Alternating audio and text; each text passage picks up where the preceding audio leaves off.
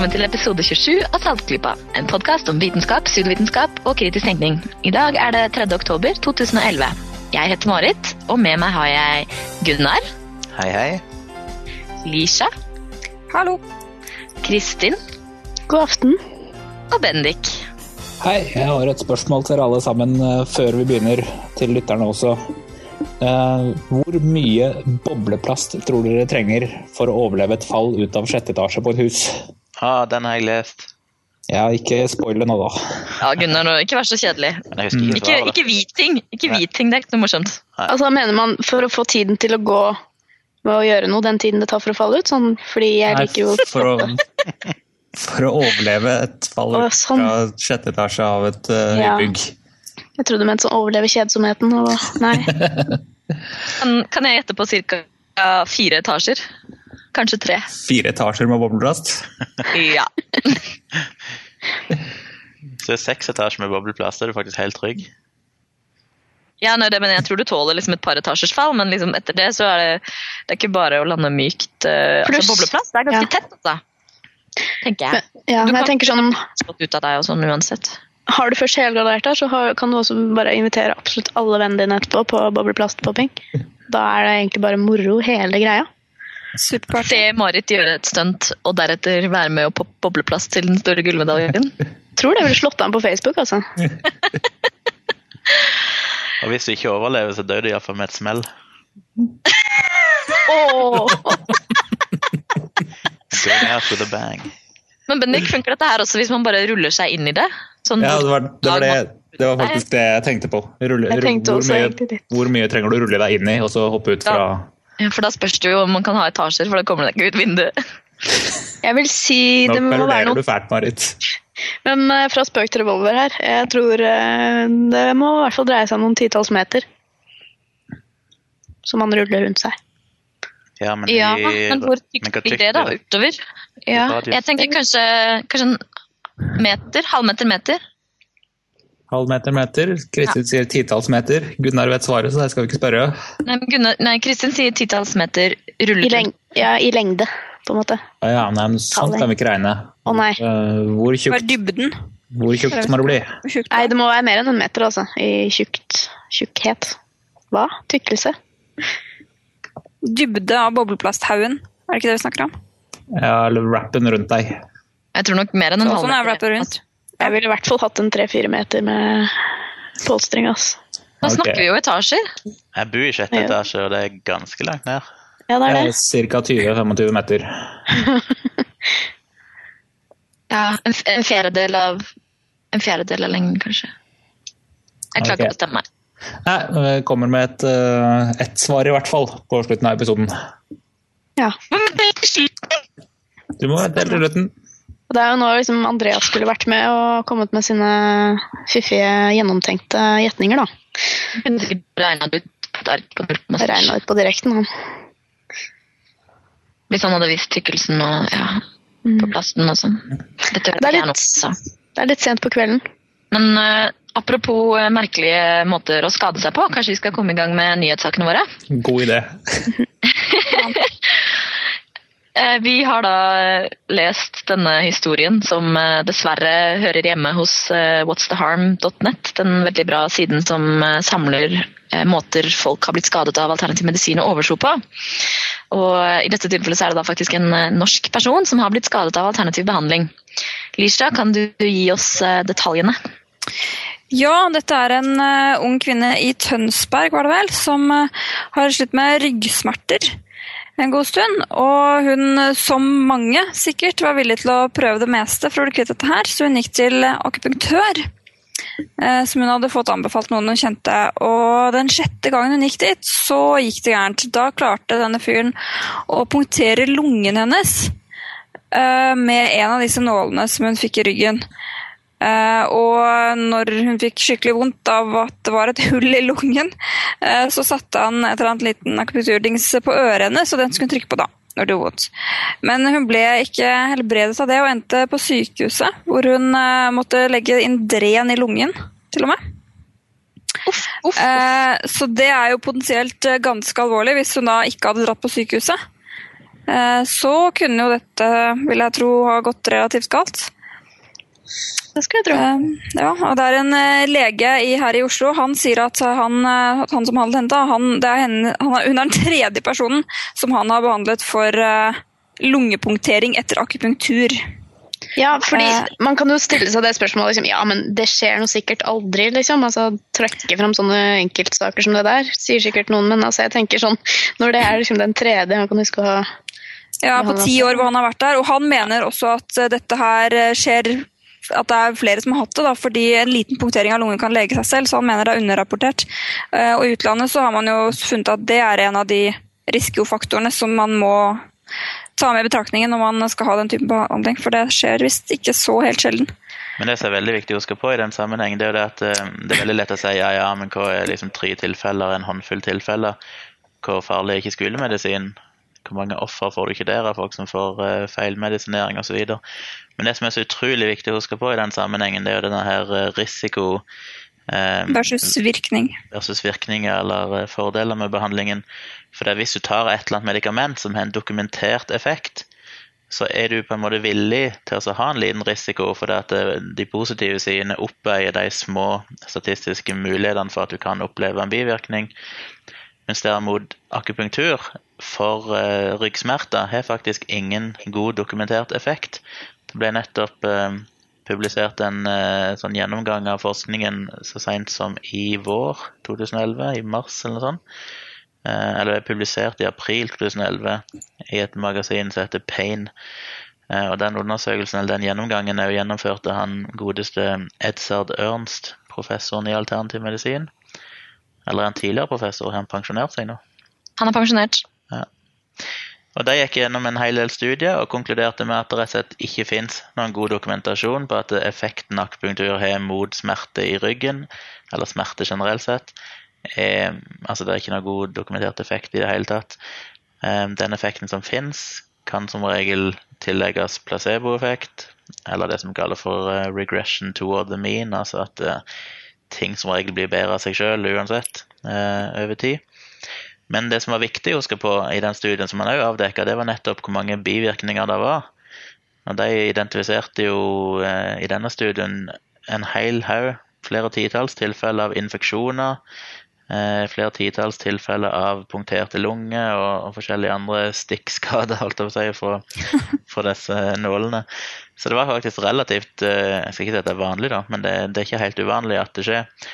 Eh, Så hvis du da utsetter deg selv for den risikoen uten å ha noen, noen som helst forventning egentlig om at dette her skal hjelpe deg, basert på den dokumentasjonen som finnes, så er det ikke et veldig godt regnestykke. Da er det veldig negativt eh, totalt sett. Og de identifiserte faktisk òg fem stykk som døde av akupunkturbehandling i denne forskningen. Gosh, En- en. Jeg må, bare, jeg må bare komme med en rettelse før vi går videre. Eh, Det magasinet, Gunnar, det heter ikke Pain, det heter Pain! Eh, Godt poeng. En ting eh, ved det du sa, Gunnar, der, en annen ting i forlengelsen av det, er jo at når du får et eh, skolemedisinsk legemiddel, så får du også med deg eh, informasjonen om hvilken virkning du kan forvente, og hvilke bivirkninger du risikerer. Slik at der har du svart på hvitt. Dette er det du kan risikere, og dette er det du kan tenke å oppnå, og da kan du ta den avveiningen selv. Men jeg, jeg må tillate meg å betvile veldig sterkt at denne akupunktøren sa til denne unge kvinnen at bare så jeg er klar over det, så kan det tenkes at jeg kan komme til å punktere lungen din. Nå skal Ja. ikke jeg anklage noen for noe, men jeg betviler faktisk at hun fikk den informasjonen på forhånd. Ja, jeg tviler på det blir nevnt, men det skal jo nevnes. eh, Og det avdekker vel denne her gjennomgangen fra et og co. At disse bivirkningene, disse uheldige hendelsene, stort sett skyldtes at det var dårlige akupunktører, altså som gjorde håndverket dårlig. Sånn at eh, de flinke og godkjente akupunktører gjør sjelden den type ting. Så det skal sies at det handler stort sett ikke nødvendigvis utelukkende om akupunktur som behandlingsmåte, men derimot urutinerte behandlere som gjør jobben dårlig. Ja, eh, men det er vel tvilsomt om noen vil gå og si at de er Å, jeg er ikke så særlig flink til dette, så ting kan skje. Eh, Nei, det er da, Det er jo det er da mange og sier at ja, men vi må få en eller annen form for godkjenningsordning. ikke sant? Dette må vi få inn i et register. Hvem er det som er godkjente akupunktører? Hvem er det som behandler dette bra? Og det er en sånn, alltid et tveegget sverd, mener jeg. Ja. For at idet du begynner å godkjenne Da ting, så gir du det et sånt stempel om å si at dette her fungerer, eller dette virker. Men det at du er en godkjent akupunktør, f.eks., eh, sier jo egentlig ingenting om behandlingen. Det betyr ikke at akupunkturen virker, det betyr bare at du har gjennomgått de og de kursene og en viss opplæring. Det betyr i hvert fall at du veit hvordan du skal gjøre det. Og forhåpentligvis ikke stikker hull i lungene på pasientene. Og så må det sies mer generelt om akupunktur, da. Som hun, eh, I den artikkelen jeg leser, så er det hun eh, legen Harriet Hall eh, som jeg syns er veldig veldig flink. Jeg leser det meste jeg finner. Hun, hun gir som regel veldig gode gjennomganger av forskjellige eh, tema. Hun skrev en del om akupunktur. Og det hun sier, som er så utrolig viktig å huske på når en skal vurdere forskning på denne type ting, er det at å se på hvilken retning går trenden. For at I dag så er akupunktur blitt relativt akseptert til og med innenfor en del sykehus og mange leger sånn som sier at jo, akupunktur er liksom greit, og det er mange som vil si at det har dokumentert en liten effekt på smerte. sånn. Men det som er interessant, er å se på at de nye studiene, jo nyere studier som kommer, og jo bedre de er, jo dårligere viser effekten seg å være. Det vil si at Trenden går ifra at det tidligere viser seg å kanskje være en effekt, til at det blir mindre og mindre effekt i de nye studiene. Altså en negativ trend. Eh, og Det er det som er interessant. for det er sånn som Harriet Hall sier at hvis, du, hvis det virkelig hadde vært en effekt av akupunktur på smerte, så ville du sett den effekten mer og mer tydelig jo mer forskning som ble gjort. Men her er det akkurat det motsatte som skjer. Jo mer du forsker på det, jo mindre er effekten. Som igjen tyder på at her er det egentlig ikke noen effekt. For jo bedre du kontrollerer for alle variabler, som f.eks. placeboeffekt, så forsvinner den reelle effekten. Uh, Så det tror jeg snart eh, vi må begynne å ta inn over oss. Og jeg tror ganske mange leger sånn, som er litt treige med å få dette her med seg, de lever vel eh, litt i etterkant av cutting edge forskning, virker det som. Men det er ikke alle som har helt fått med seg at den nye forskningen faktisk taler veldig imot akupunktur som smertestillende behandling. Det har alltid vært et problem at det er veldig vanskelig å, å kontrollere, eller ikke kontrollere, men å, å gi en verdig placebo-imitasjon. Fordi folk stort sett eh, bør kunne sies å merke om noen stikker en nål inn i deg eller ikke.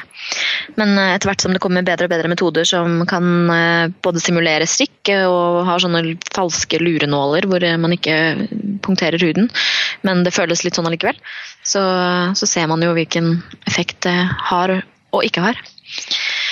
Ja, og Summen av disse forskjellige metodene, du har jo både den, de studiene som har vist at det å stikke noen bare med en tannpirker har faktisk samme effekt som å stikke dem med ekte akupunkturnåler, eller å stikke dem på helt tilfeldige steder, altså ikke på disse plassene der meridianene krysser, eller disse såkalte akupunkturpunktene, funker like godt. Eh, Det er studier som viser at uansett hvor dypt du stikker disse eh, nålene, så virker det like godt. Altså Du skal egentlig stikke dem til en viss dybde, men bare du penetrerer huden, så er det jo samme effekt. Og mye forskjellig. Så liksom summen av alle sånne studiene viser jo bare at det er behandlingen i seg sjøl, altså det at du går til en behandler, ikke at du blir stukket av nåler på spesielle plasser, som faktisk har en effekt. Spesielt kanskje da på smerte. Ja, og det er jo også vist altså, Riktignok er det vist at eh, det å stikke nåler inn i den har en biologisk effekt. Spørsmålet er jo om det virker sånn som akupunktørene påstår, eller sånn som de mener. Vi eh, tenkte vi skulle også ta for oss eh, den nyheten som alle tenkte kom først. Den aller største nyheten som kom i forrige uke. Det er at eh, Einstein tok feil! Ja, det er jo Vi kan jo ikke ikke snakke om den nyheten her. Eh, Einstein tok feil! Så Som du hører eh, Marit sier i bakgrunnen her, så tok Einstein altså feil. Einstein Så vi må da begynne helt på nytt. Det er bare Marit som er biolog, hun kan ikke disse tingene her. vet du. Vi vet ingenting! Det er jo selvfølgelig da snakk om nyheten som kom fra CERN og Opera-eksperimentet i Italia. Hvor de har eh, i ganske mange år drevet med eksperimentet med en elementær partikkel som heter nøytrinoer. Eh, og det, de har da sendt disse nøytrinoene jevnlig eh, fra CERN-laboratoriene eh, og 730 km gjennom Alpene og ned til eh, Gran Sasso i Italia. Så det er liksom det de har drevet med. Og det var vel var det, forrige fredag, forrige torsdag, et eller annet sånt, så kom det da en artikkel ute på det såkalte preprint-arkivet på internett. Eh, eh, som fysikeren liker å holde tingene litt litt åpne så mye som mulig, i hvert fall. Så de, de, alle artikler som er blitt sendt inn til eh, review, blir også lagt ut da, på, på dette nettet her. Og astrofysikere og fysikere liker å legge ut ting der, så det er veldig fint. For da kan, da kan sånne som oss lese de. Det var litt interessante resultater. Eh, hvis man leser artikkelen, så blir det jo selvfølgelig ikke så veldig blåst opp, men det viser seg at disse nøytrinoene de hadde målt, hadde litt høyere fart enn de hadde tenkt seg. Faktisk da litt raskere enn lyshastigheten. Og det er jo spesielt, fordi det, det, sånn skal det ikke være. Det er snakk om når de målte da de skal visst ha hatt ganske sofistikerte måleinstrumenter og sånt. da, Og kalibrert og ordna. Eh, når de målte dette, så fant de ut at de nøytrinoene de hadde kommet frem 60 nanosekunder eh, før en eh, lysstråle ville komme frem. Og det tilsvarer noe sånt som, bare for å sette det litt perspektiv, 0,0025% raskere enn C, da, som er den konstante lyshastigheten.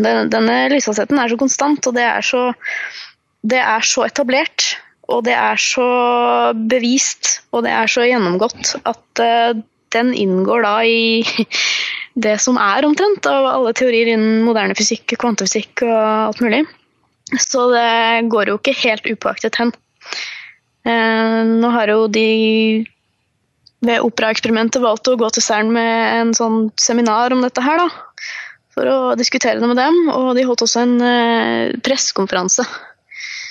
nå kan det jo diskuteres om det var litt umodent, eller om de gikk litt tidlig ut med det, men eh, jeg vet ikke. Jeg vet ikke hva, hva, hva, hva dere som, som ikke-fysikere mener om denne saken. her. Er det, er det, må, må, vi begynne helt på nytt, tror dere det? Eller kan det være noe annet? Det virker som at i hvert fall de fleste medier, og ikke minst aviser, vil eh, holde enighet med hva Marit drev og sa i stad. Einstein tok feil, alt må hives ut. Eh, A er lik B og 2 er lik 4, og opp er ned. I hvert fall i overskriftene. Jeg vet ikke, jeg, jeg mener at norske medier har vært ganske Altså relativt, i hvert fall da. Eh, avmålte sånn, i hvert fall i selve skriveriene sine om dette her, men det er klart de må sette på en uh, fin overskrift. Ja, la oss uh, presisere at hvis man tar et grundig titt på den artikkelen som ble gitt ut, eller hovedpapiret de slapp ut, så var ikke deres konklusjon fra operaeksperimentet at ha-ha, vi har eh, bevist Einstein tok feil. Nei. Den konklusjonen de konkluderte med, var mer sånn Uh, dette her burde ikke vi ha fått som svar. for Vi har Nei, helt sant. sikkert gjort en feil et eller annet sted. Kan dere hjelpe oss med å finne den? Ja. Altså selve, Her er selve en morsom lek. Finn fem feil. Ja, altså sånn som forskningsspråket, da. Hvis man eh, Jeg klarte jo så vidt å lese eh, abstract og innledning og konklusjon av den artikkelen. Det var liksom nok fra meg. Men jeg fikk jo, jeg fikk jo det inntrykket jeg hadde lest omtrent åtte ganger, at de er veldig veldig ydmyke. De, trygler nærmest om at dette her må bli eh, sjekket igjen og igjen av andre eh, fysikere og andre forskere, som da er uavhengig av, av dem i, i operaeksperimentet og på CERN. Jeg synes det Selvfølgelig så er jo ikke alltid det like interessant å få med i, i mediesaker. Det er jo det som er god forskning. Du får et resultat som ikke du forventer, så publiserer ja. du det, og så sier du 'kom og finn feil'. Dette er sannsynligvis ja. feil. Nå vil vi at andre skal kikke på dette. Ikke sant? Det er, det er min favoritt Isaac Asimov-quote. sier uh, The most in interesting things in science uh, don't, uh, Unnskyld om jeg finner riktig quote her, men det er i alle fall um, The quote that tales new discoveries in science is not eureka, but hmm, that's interesting. Mm, nettopp. Jeg tror jeg hadde den på masteroppgaven min, faktisk. Fordi vi, vi har målt hastigheter på nøytrinoer før. Eksempelet som har blitt gitt i mye av diskusjonene rundt dette her på nettet, er eh, supernovaen 1987A, som da ble observert i 1987.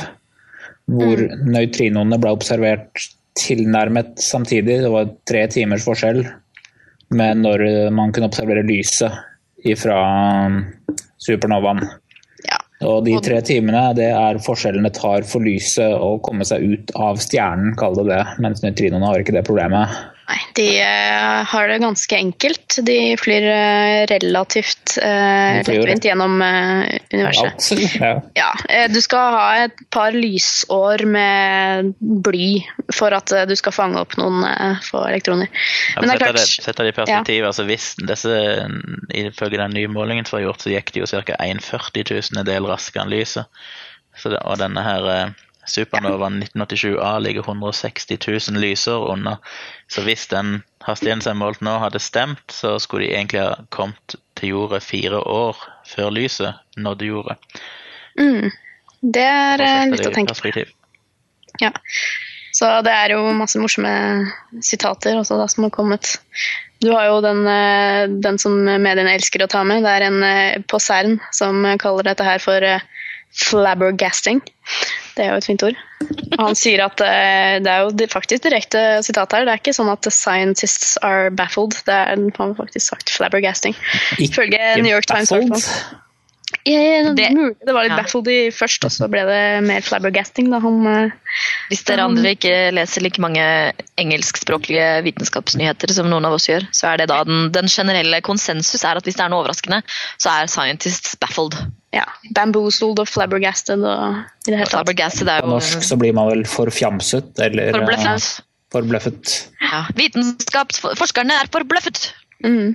Altså, han sier jo videre, dette, den, han teoretiske fysikeren ved CERN, at uh, if this is true, then we truly haven't understand anything about anything.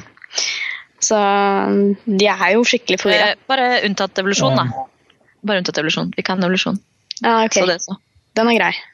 Ja. Og um, professor Jim Al-Khalili fra University of Surrey han tweetet eh, når dette her eh, ble kjent at hvis dette her var sant, så skulle han spise underbuksene sine live på TV.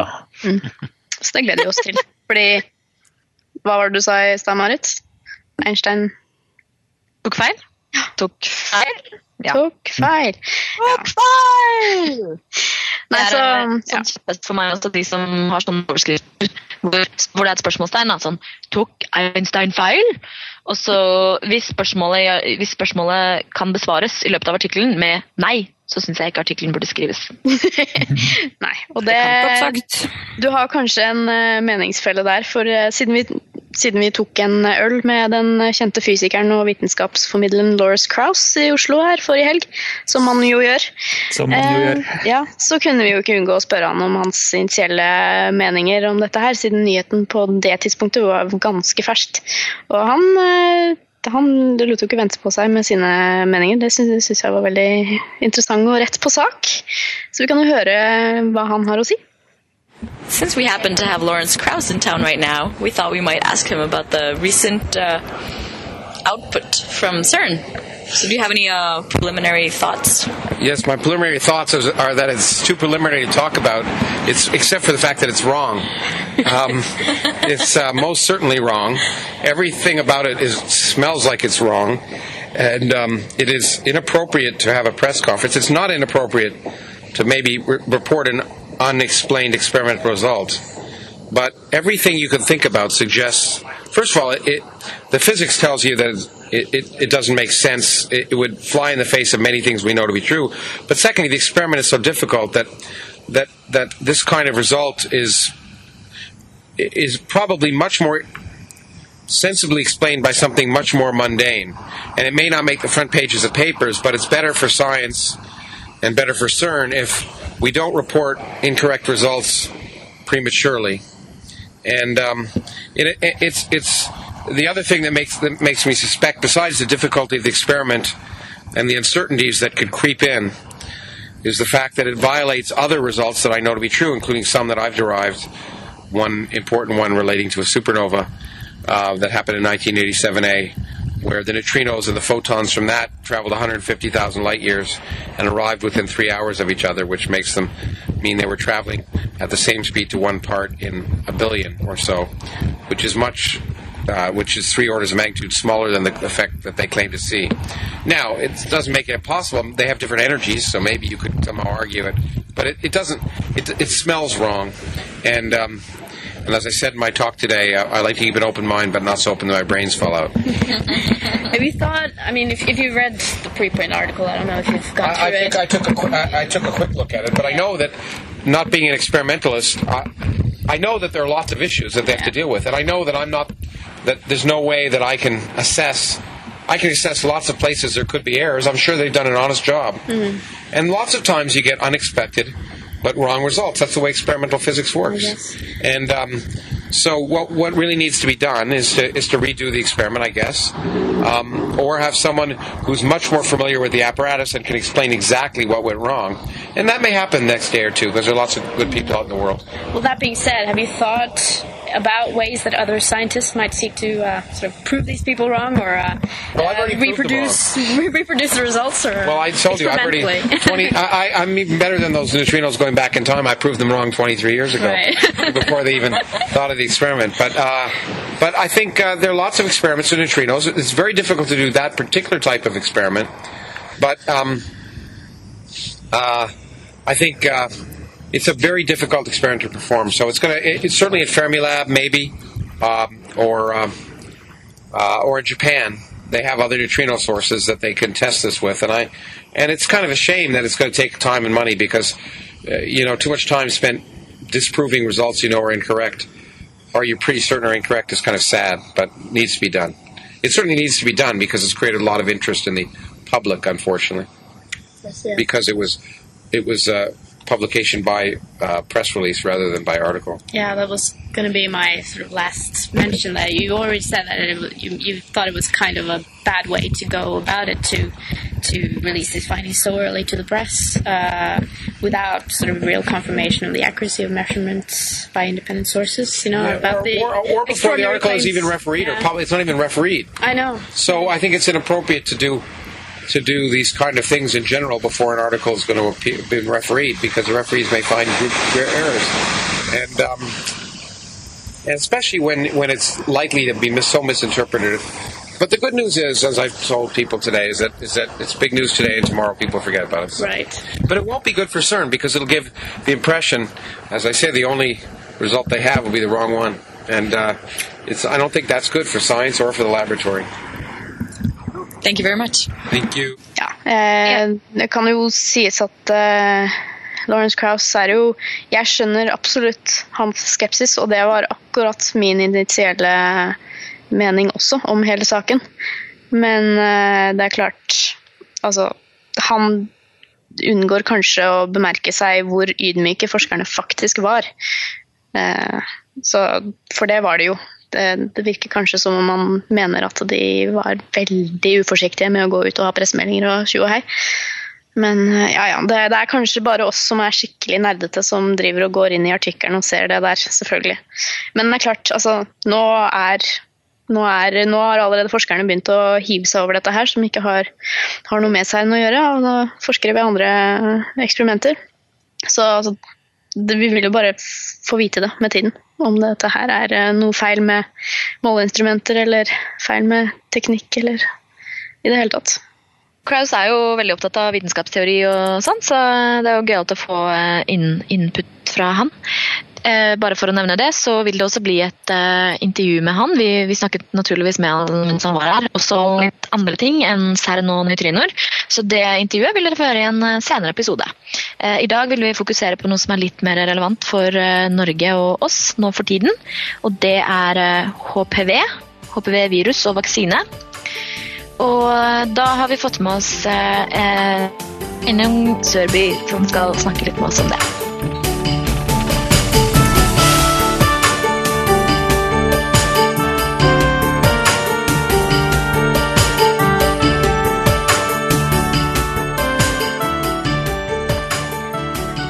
Har vi gleden av å ha med oss en eh, fagperson igjen.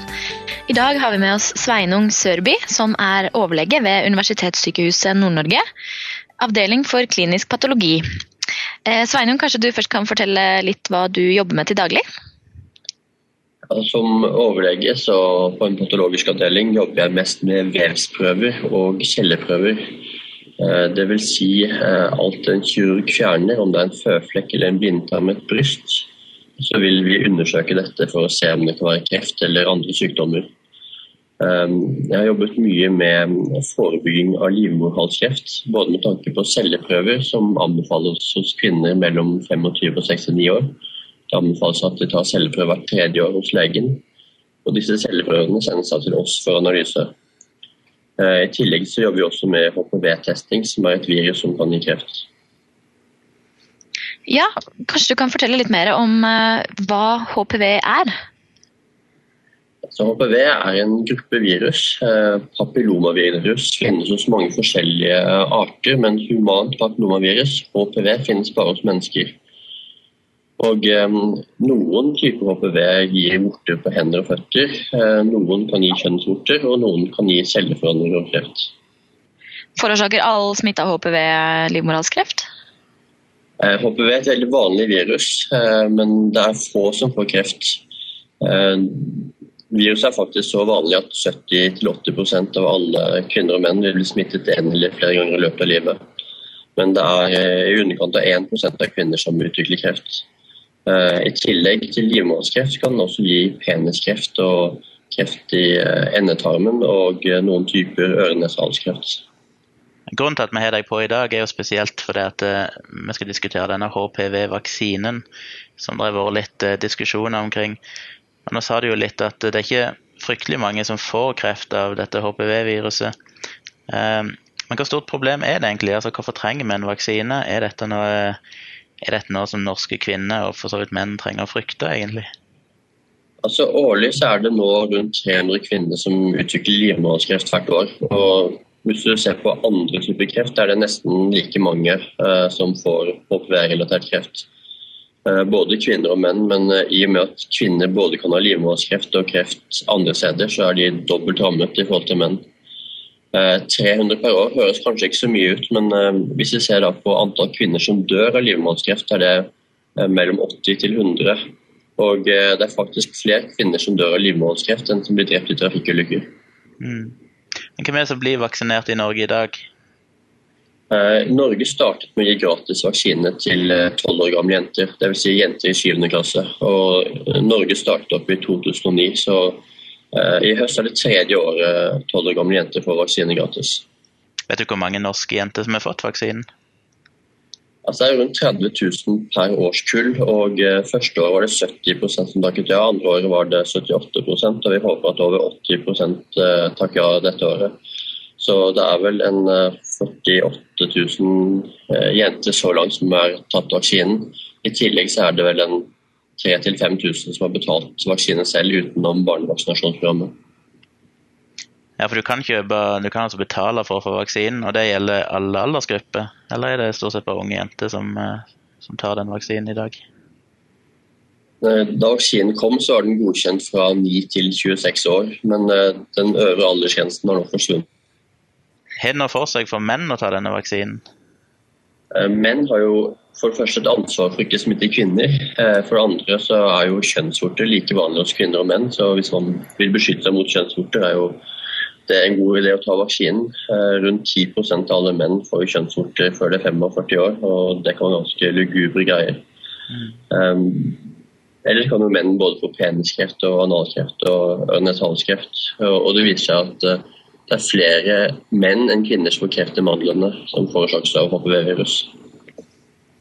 Men Du sier at uh, dette HPV-viruset er involvert i en del andre krefttyper, men er det noen dokumentert effekt av vaksinen mot f.eks. lungekreft der HPV er involvert? Det er lite studier i forhold til HPV og lungekreft. eh, og eh, Det tar jo lang tid å utvikle kreft, så det er vanskelig å dokumentere effekt på kreft. Men eh, man vet at både forstadier på peniskreft og forstadier til analkreft er det mulig å forebygge ved hjelp av vaksinen. Og vaksinen hjelper mot HPV-smitte ett sted på kroppen, og man vet at HPV kan gi kreft flere steder på kroppen, så er det vanskelig å tenke seg at eh, vaksinen ikke vil forebygge kreft andre steder på kroppen heller. Mm. Men hvordan er det hvis du, altså Det er jo greit for jenter som er i 7. klasse, de får jo tilbud om vaksinen gratis. Men hvis du er voksen kvinne eller mann, gutt, og ønsker å få denne vaksinen, er det bare å ta kontakt med legen og si at hei, du, jeg ønsker å, ha, å få vaksine mot HPV, og så får du det? Eller er det noen spesielle kriterier eller Må det bestilles lang tid forveien, eller hvordan fungerer det i praksis? De fleste apote- apotek skal ha vaksinen på lager, og eh, du trenger resept for vaksinen. Så legen din må skrive ut resept, men når du har fått resept og hentet eh, sprøyten på apoteket, så kan du la helsesøster eller legesekretær eller lege eller sykepleier eller hvem som helst og sette vaksinen på deg. Det er antagelig ikke alle leger som eh, vil gi eh, eller skrive ut resept på vaksine f.eks. hos en eh, 50 år gammel mann, for eh, han vil ikke helt skjønne nytten eller behovet for det. Men, men det er jo pasientens eget valg om han ønsker å beskytte seg mot fremtidig smitte av HPV eller ikke. Vet du om dette er en dyr vaksine, siden eh, den skal vel bli tilbudt i ganske bredt eh, omfang etter hvert? Blir det en stor kostnad for samfunnet dette her? Altså Den første avtalen eh, som ble forhandlet frem, var relativt dyr. Jeg kjenner ikke nøyaktig prisen, men eh, hvis du skal kjøpe den på apotek, så koster den per dag rundt 1000 kroner per dose. Dvs. Si 3000 for tre doser, som er anbefalt. Men eh, staten fikk den nok billigere enn det. Og hvis man ser i Sverige og Danmark, så har de fått enda billigere vaksine. Så i Danmark skal det nå gi gratis vaksine opp til 26 år gamle kvinner, og i Sverige skal de gi gratis vaksine opp til 18 år gamle kvinner. Rent samfunnsøkonomisk er dette noe som lønner seg for, for Norge?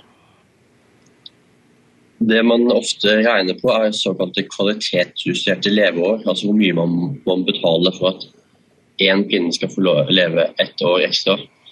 Eh, Og eh, sånn tommelfingerregel er sånne kvalitetsjusterte leveår mindre, koster mindre enn 300 000 per år, så er det samfunnsøkonomisk fornuftig å gi vaksinen. Og eh, Man har beregnet at vaksinen vil spare samfunnet for kostnader totalt sett. Men du sier at det er jo, du ga et tall var det rundt 80% eller det dere ønsker rundt 80 av jenter takker ja til vaksinen eh, i 7. klasse. Men eh, de som ikke takker ja, på å si, hvilken begrunnelse har de? Kjenner du til det?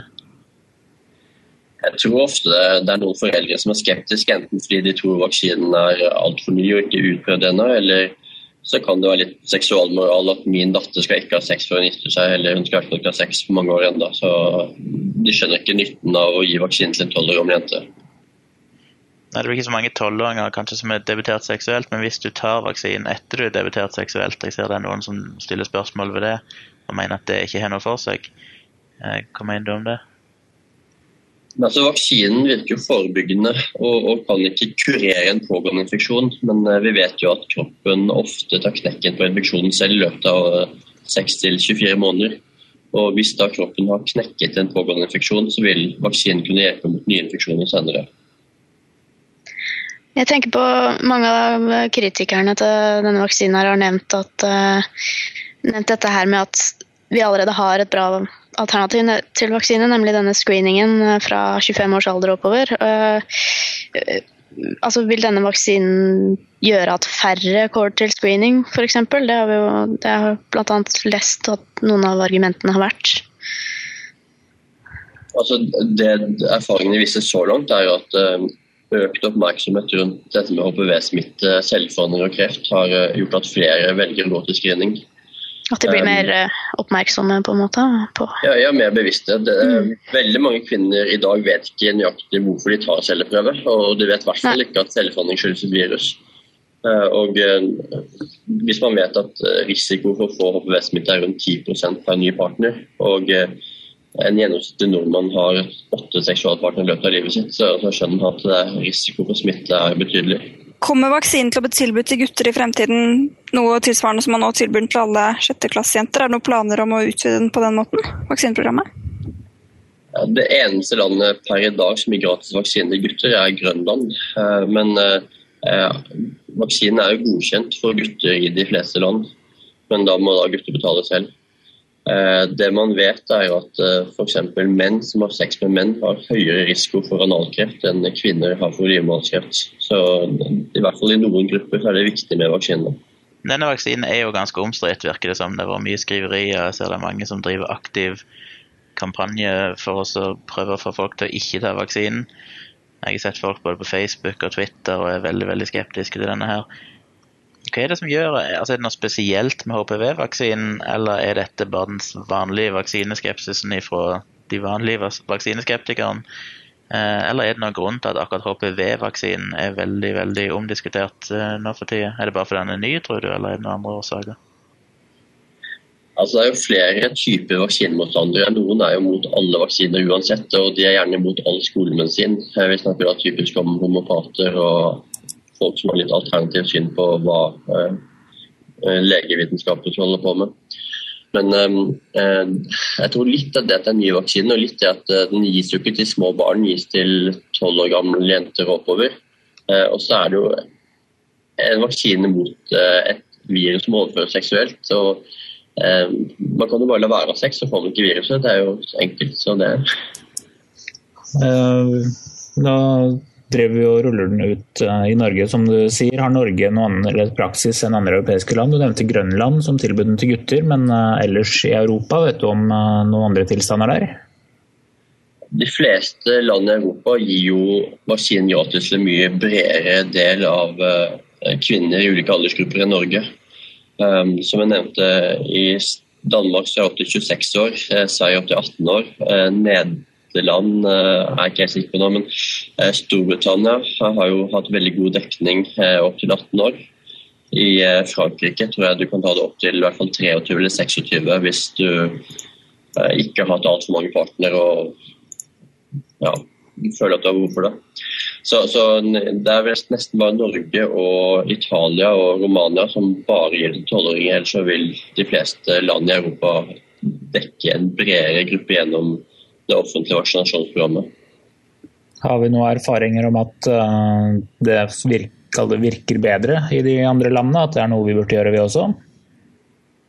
Altså, De får jo vaksinert eh, flere personer, eh, og det er litt urettferdig nå for en eh, 13-14-åring å, å se at lillesøster blir vaksinert, men ikke seg selv. Og hvorfor får ikke jeg vaksine? Jeg har jo ikke hatt kjæreste engang. Um, og, og man vet jo også at for hvert årskull som blir vaksinert, så er det rundt 150 kvinner som kan unngå kreft.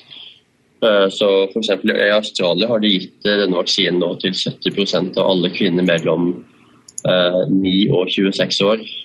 Og Der ser man jo for første halvering av eh, kjønnsvorter, og man ser også nedgang i eh, celleforandringer. Vi ser jo at det til og med finnes en del leger og helsepersonell som eh, da vil fraråde faktisk mødre om å gi vaksinen til barna sine. Hvorfor tror du at eh, selv altså, leger og helsepersonell er skeptiske til det? Hva vil du si til dem? Det har jo vært noen markante personligheter eh, som har gått negativt ut mot vaksinen. Og eh, de som da velger å tro på disse fagpersonene og ikke på resten av fagmiljøet, de vil jo ja, naturlig nok være skeptiske da, til en vaksine som oppleves som ny. Eh, Det jeg synes man bør tenke på, er at eh, vaksinestudiene har nå pågått i opp mot ti år. Og vaksinen har vært tilgjengelig på resept siden 2006, og vi er nå i 2011. Så eh, det har jo vært gitt eh, 70-80 millioner doser på verdensbasis uten at man egentlig har sett noen alvorlige skadevirkninger av vaksinen. Det blir ofte trukket fram at det har vært mye bivirkninger i disse amerikanske overvåkingsprogrammene, disse her VAERS, VAERS og andre sånne programmer, så blir det jo, blir det jo eh, registrert titusenvis av bivirkninger. Noe som selvfølgelig høres litt skummelt ut.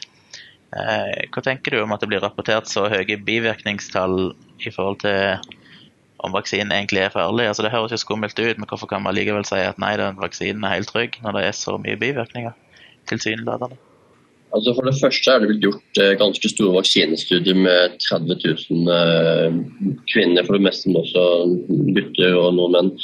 Eh, og Når man ser på placeboarmen og sammenligner med vaksinegruppen, så har forekomsten av rapporterte hendelser i etterkant av vaksinering vært helt identisk både i aktiv vaksinegruppe og i placebogruppen. Eh, Det er alltid slik med innføring av nye legemidler og innføring av nye vaksiner at man er spesielt på vakt første året. og eh, eh, Alt helsepersonell blir bedt om å melde alle hendelser uansett om det er relatert til vaksinen eller ikke. Eh, Og Det samme gjelder også i USA. at Det er mange hendelser som blir eh, rapportert inn. altså Blir man overkjørt av en lastebil dagen etter at man har fått vaksinen, så dør man jo, men, men det er jo ikke vaksinen sin skyld. Det er hva de vil at du skal tro, det. Jo, altså, altså selv en tolv år gammel jente kan bli syk. Hun kan få akutt hjernehinnebetennelse og dø. og Det kan skje dagen etter uansett om hun har fått vaksine eller ikke. Så, så man må se på forventet antall sykelighet i en gruppe, i en aldersgruppe. og Så kan man sammenligne det som en slags referanse i forhold til hva som oppstår etter Eh, i tiden etter vaksinene. For hvis, hvis, det er helt identisk, altså hvis man ikke ser noen overhyppighet i vaksinegruppen, så er det vanskelig å tro at vaksinen er årsak til disse hendelsene. Hva sier at du egentlig har blitt så veldig engasjert i denne HPV-vaksinen? For du har jo skrevet ganske mye artikler og, og vært omtalt og uttalt deg i mange saker i media om dette her. Hvorfor brenner du så for denne HPV-vaksinen? Eh, jeg har eh, jobbet en del med eh, seksualopplysning i forhold til ungdom. Eh, som student var jeg med i noe som het Medisinernes seksualopplysning. Hvor vi da gikk rundt på ungdomsklubber, ungdomsskoler og, også konfirmasjonsundervisning. Og hadde undervisning om eh, sex og samliv. Eh, så det var sånn bakgrunnen jeg hadde før. Men så begynte jeg jo på patologen og så da celleprøver og vevsprøver fra kvinner med både celleforandringer og kreft. Eh, og da vi begynte med HPV-testing, så så jeg jo noe viktig spesielt av disse HPV-typene eh, 16 og 18 som inngår i vaksinen, og hvor mye kreft de kan forårsake. Og eh, det å kunne forebygge ting før det blir celleforandringer, før det blir kreft, er jo helt genialt. Altså, man kan stoppe et virus før den forårsaker skader. Så um, mitt utgangspunkt var egentlig ikke vaksinen, det var forskning på HPV-testing og forebygging av um, kreft ved å oppdage forstadier tidlig. Men det er klart at hvis man kan unngå forstadier i det hele tatt, er jo det mye bedre. Og eh, Mitt engasjement startet ved at jeg så noen helt sprø leserinnlegg i aviser. Eh, så Det første jeg gjorde, var å sende inn motinnlegg hver gang jeg oppdaget et leserinnlegg eh, mot vaksinen, for å da opplyse om hva som var fakta i saken. Og eh, Det er jo noen kjente vaksinemotstandere som har da sendt eh, leserinnlegg til veldig mange aviser, så det ble også veldig mange motinnlegg. Men eh, på samme måte som disse vaksinemotstanderne ikke var så flinke til å variere sine tekster, så hadde jeg noen standardtekster brukt som svar. og Etter hvert sluttet jo redaksjonen å ta inn eh, disse innleggene fra vaksinemotstanderne, for de skjønte det bare var dumt.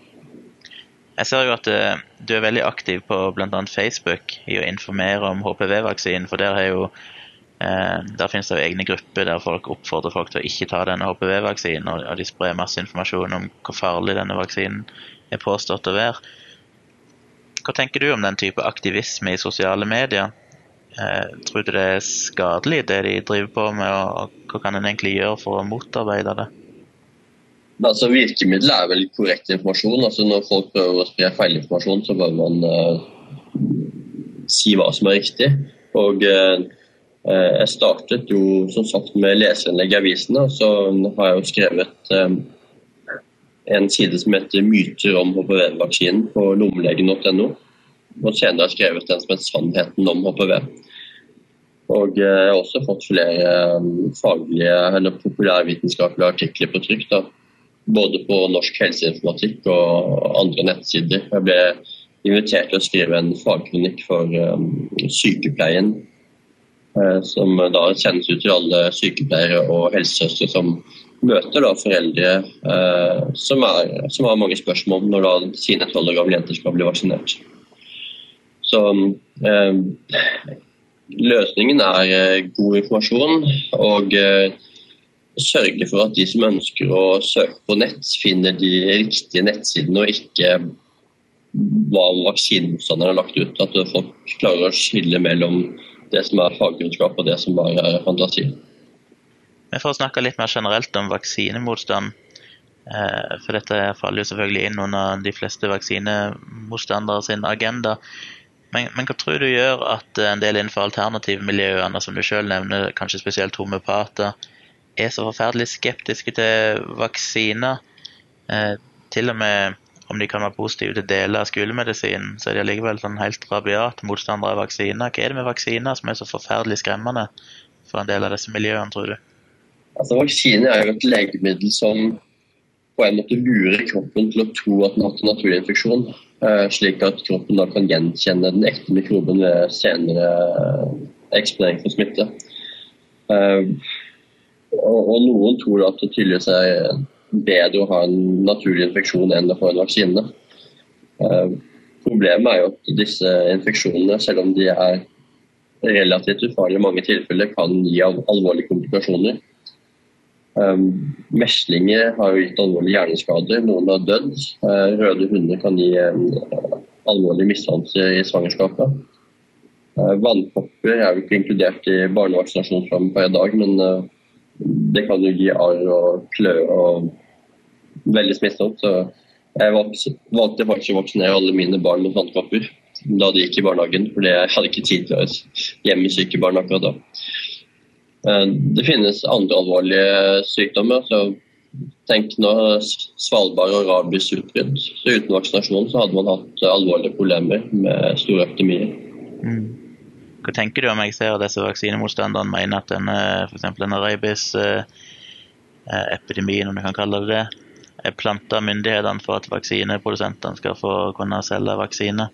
Det er jo veldig mye konspirasjonsteorier ute og går, og vi ser at de samme konspirasjonsteoretikerne har jo tanker om alt mulig rart. Alt fra 11.9. og chemtrails er det noen som mener de, de stripene etter fly høyt opp i luften. Det er visstnok noen kjemikalier som skal hjernevaske oss og gjøre oss mer villige, sånn at myndighetene kan styre over oss. Jeg har ikke veldig stor tro på den slags ting. da. Men du har hatt en del ubehagelige opplevelser, er det ikke det, når du har vært og drevet informert om vaksine inn på bl.a. Facebook? Kan du si litt om hvordan du opplevde den eh, debatten? Det er jo det at hvis ikke de har faglige motargumenter, så prøver de å, å, å vri oppmerksomheten bort fra det faglige. Uh, enten å legge inn manipulerte bilder av deg selv eller uh, skrive stygt om deg. Og eh, De er jo en gjeng som backer hverandre opp og syns det er kjempegøy, så det, det, kan jo bli ubehagelig. Eh, jeg har jo opplevd eh, at jeg har lagt rundt privat mailadresse og oppfordret folk til å sende meg mail, men det har heldigvis ikke vært så mange som har fulgt de oppfordringene.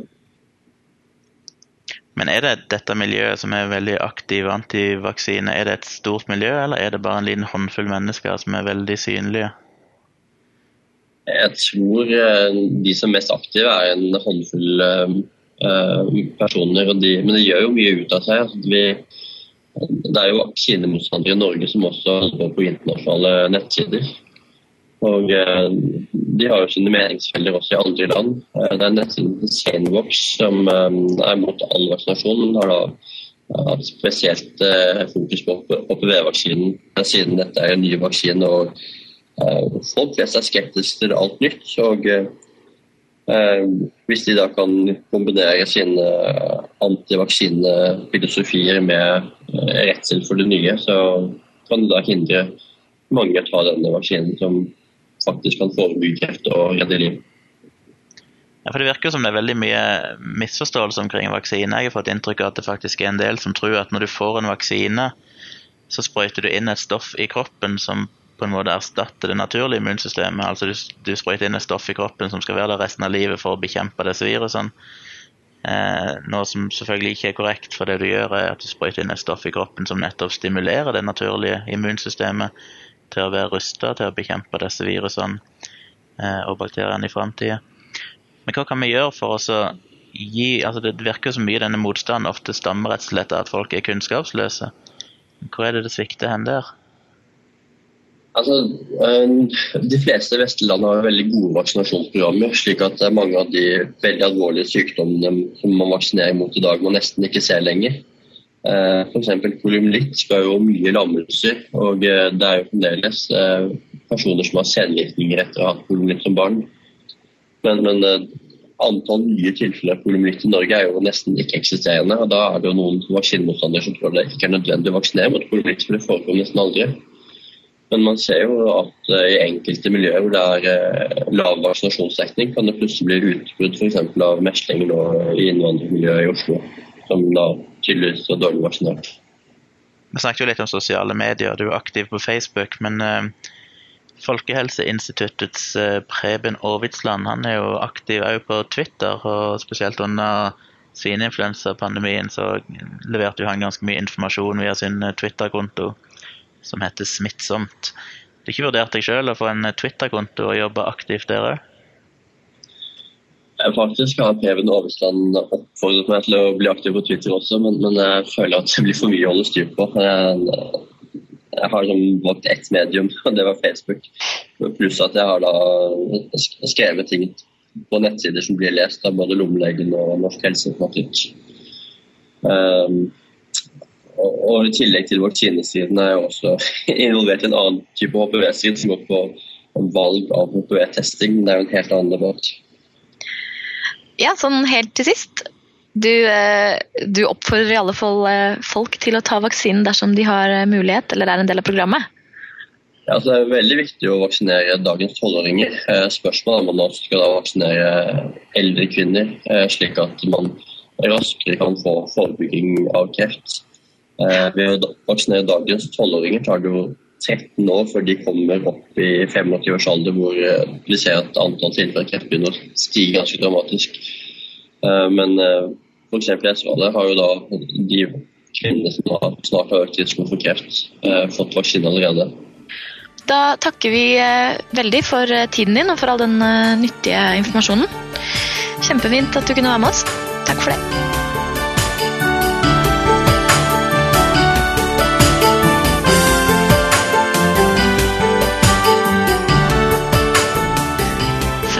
En anbefaling om HPV-vaksine, eh, så går vi videre til ukens anbefaling. Som denne uken består av et eh, par, faktisk. Aller først vil jeg eh, holde tråden fra det forrige innslaget og anbefale Gunnar sin bloggpost om HPV. Både om vaksinen og viruset. Den er veldig informativ, veldig grundig og veldig god. Eh, så vil jeg anbefale et par eh, hendelser som skal skje i vårt langstrakte land. For en gangs skyld er det også en hendelse som ikke er i Oslo. Som, eh, som vi kan anbefale. Riktignok så kommer det til Oslo også, men ja. Vi tar og forteller dere hva det er. Ben Goldacre, en veldig flink og morsom britisk lege, som uh, har skrevet en bok som heter Bad Science, som uh, anbefales. Den har vi vel faktisk anbefalt i en tidligere episode. Og han skriver også en uh, spalte i The Guardian. han kommer til Trondheim 8.11. og skal snakke der, i Olavshallen. Han skal ha en presentasjon som heter Hacks, Quacks and Uncomfortable Facts. Og den tror jeg blir vel verdt å få med seg. Dagen etter så reiser han til Oslo for å være med på et arrangement her som er arrangert av Kunnskapsdepartementet. Og eh, det heter 'Kan vi stole på vitenskap?' Og Hvis du søker på eh, Kunnskapsdepartementets eh, hjemmesider, kalender, så finner du det også. Det er da et todagers seminar som er 9. til 10. november. Det krever påmelding, og det ser ut til å bli veldig bra. Den andre dagen så kommer også en som heter Naomi Oreskes, som har skrevet en bra bok som heter 'Merchants of Doubt'. Og den boken handler om hvordan slike som eh, fornekter eh, ulike vitenskapelige sannheter, som de som ikke er enig i, i global oppvarming f.eks., eller at røyking, unnskyld, andrehåndsrøyking fører til kreft, de bruker den samme strategien for å fortie forskere. Så kom på det seminaret. Og apropos Naomi Oreskes, så nevnes hun også ganske mye i en veldig bra artikkel som Morgenbladet hadde forrige uke, fra, altså nå på fredag, Eh, om eh, klimafornektelse og hvordan eh, forskere blir truet på livet når de, når de publiserer funn som klimafornektere ikke liker. Aller sist vil jeg også bare slenge inn en anbefaling om UiO sin 200-årsfeiring som fortsatt pågår. Da er det enda en idéfestival den 15. oktober, og temaet for den er menneskekroppen. Og de festivalene er veldig morsomme. Det er forskningsformidling på høyt nivå og i mange ulike former. Og det var vel det jeg hadde tenkt å si. Eh, ja, det arrangementet i eh, Trondheim og i Oslo med Ben Goldacre og sånn, det er eh, da arrangert av eh, Vitenskapsåret 2011. Det er så kult når disse nerdekonferansene kommer liksom, til Norge med også da altså, politisk uh, kontekst syns det er helt fantastisk. Ja, for dette er jo arrangert av Kunnskapsdepartementet. Det kommer politikere dit. Det kommer uh, andre høyt rangerte samfunnstopper som uh, faktisk bryr seg. Og, og, de bryr seg også om et av temaene som skal tas opp i Oslo, er hvordan det er viktig for vitenskapen å, å synes i politikken, og hvordan, vi, hvordan vitenskapen er med å forme politikk. Strålende. Dritbra! Og vi kommer til å bli, være med. Spennende. Ja, vi har allerede meldt oss på, noen av oss. Mm. Og det var vel det vi hadde tenkt til å si. Nei, først, Bendik. Du må jo eh, gi oss løs løsning på ukas mysterium. Ja, ja. Før jeg kommer med til svaret, så ville vi bare si at vi anbefaler ingen å faktisk teste dette her. Selv om det er meget uvitenskapelig av oss, så tror jeg vi skal la denne her stå utestet. Det var en eh, fysikkprofessor som visstnok hadde regnet eh, litt matte på dette her, og funnet ut at eh, hvis man bruker den store typen med bobleplast, den med de store boblene, Som smeller Hei, hei, hei. som smeller godt det ble ikke sagt innledningsvis. Vi kan bruke den lille typen også. Okay, da. så trenger man ca. 40 eh, lag rundt seg for å overleve et eh, fall på 20 meter. Det, siden bobleplast er ganske tynt, egentlig, så vil det faktisk si at man trenger ikke mer enn eh, 30 cm ca. med bobleplast rundt seg. Eller eh, som han eh, sier det, 9 kilo med bobleplast. Det er ikke den måten jeg pleier å regne bobleplast. Hvis eh, man eh, bruker den mindre vanlig, vanligere typen bobleplast, så er det litt mer volum, ca. 40-45 cm. Nei, var det jeg sa nå? 40-45? Ja. 40-45 er riktig. Centimeter med bobleplastlag rundt deg. Eller da en eh, 50 rotasjoner eh, rundt deg. Så hvor mange meter i lengde blir det sånn, sånn cirka? Sånn cirka 50 meter, da. Ja, litt under. Jeg vil påstå at jeg var ganske nærme i min gjetting der når jeg sa noen titalls meter. Jeg var også ganske nærme da, når jeg sa en halv til en meter. Men uh, problemet er kanskje det at vi begge hadde så veldig veldig mange gjetninger. Nei, men altså Jeg vant jo egentlig, da! Jeg vant egentlig, jeg òg. Jeg sa en halv, halvmeter. Alle vant, sa en egentlig. halvmeter. Du kan gå tilbake og høre på det. Jeg sa det. Ja, men uh, da var vel eh, Det var faktisk historien som ble sagt i dag. Og vi takker for følget, og eh, takk til alle sammen som var med. Ha det bra. Ha det. Ha det fint. Ha det godt. Ha det, ha det.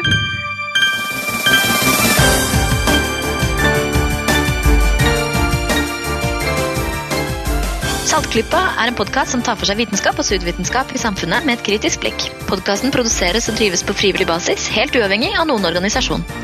Vi vil gjerne høre fra deg.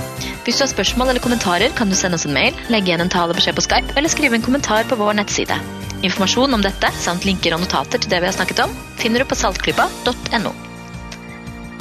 Mens du har lyttet til denne episoden, har nesten seks millioner milliarder nøytrinoer fra sola passert gjennom kroppen din.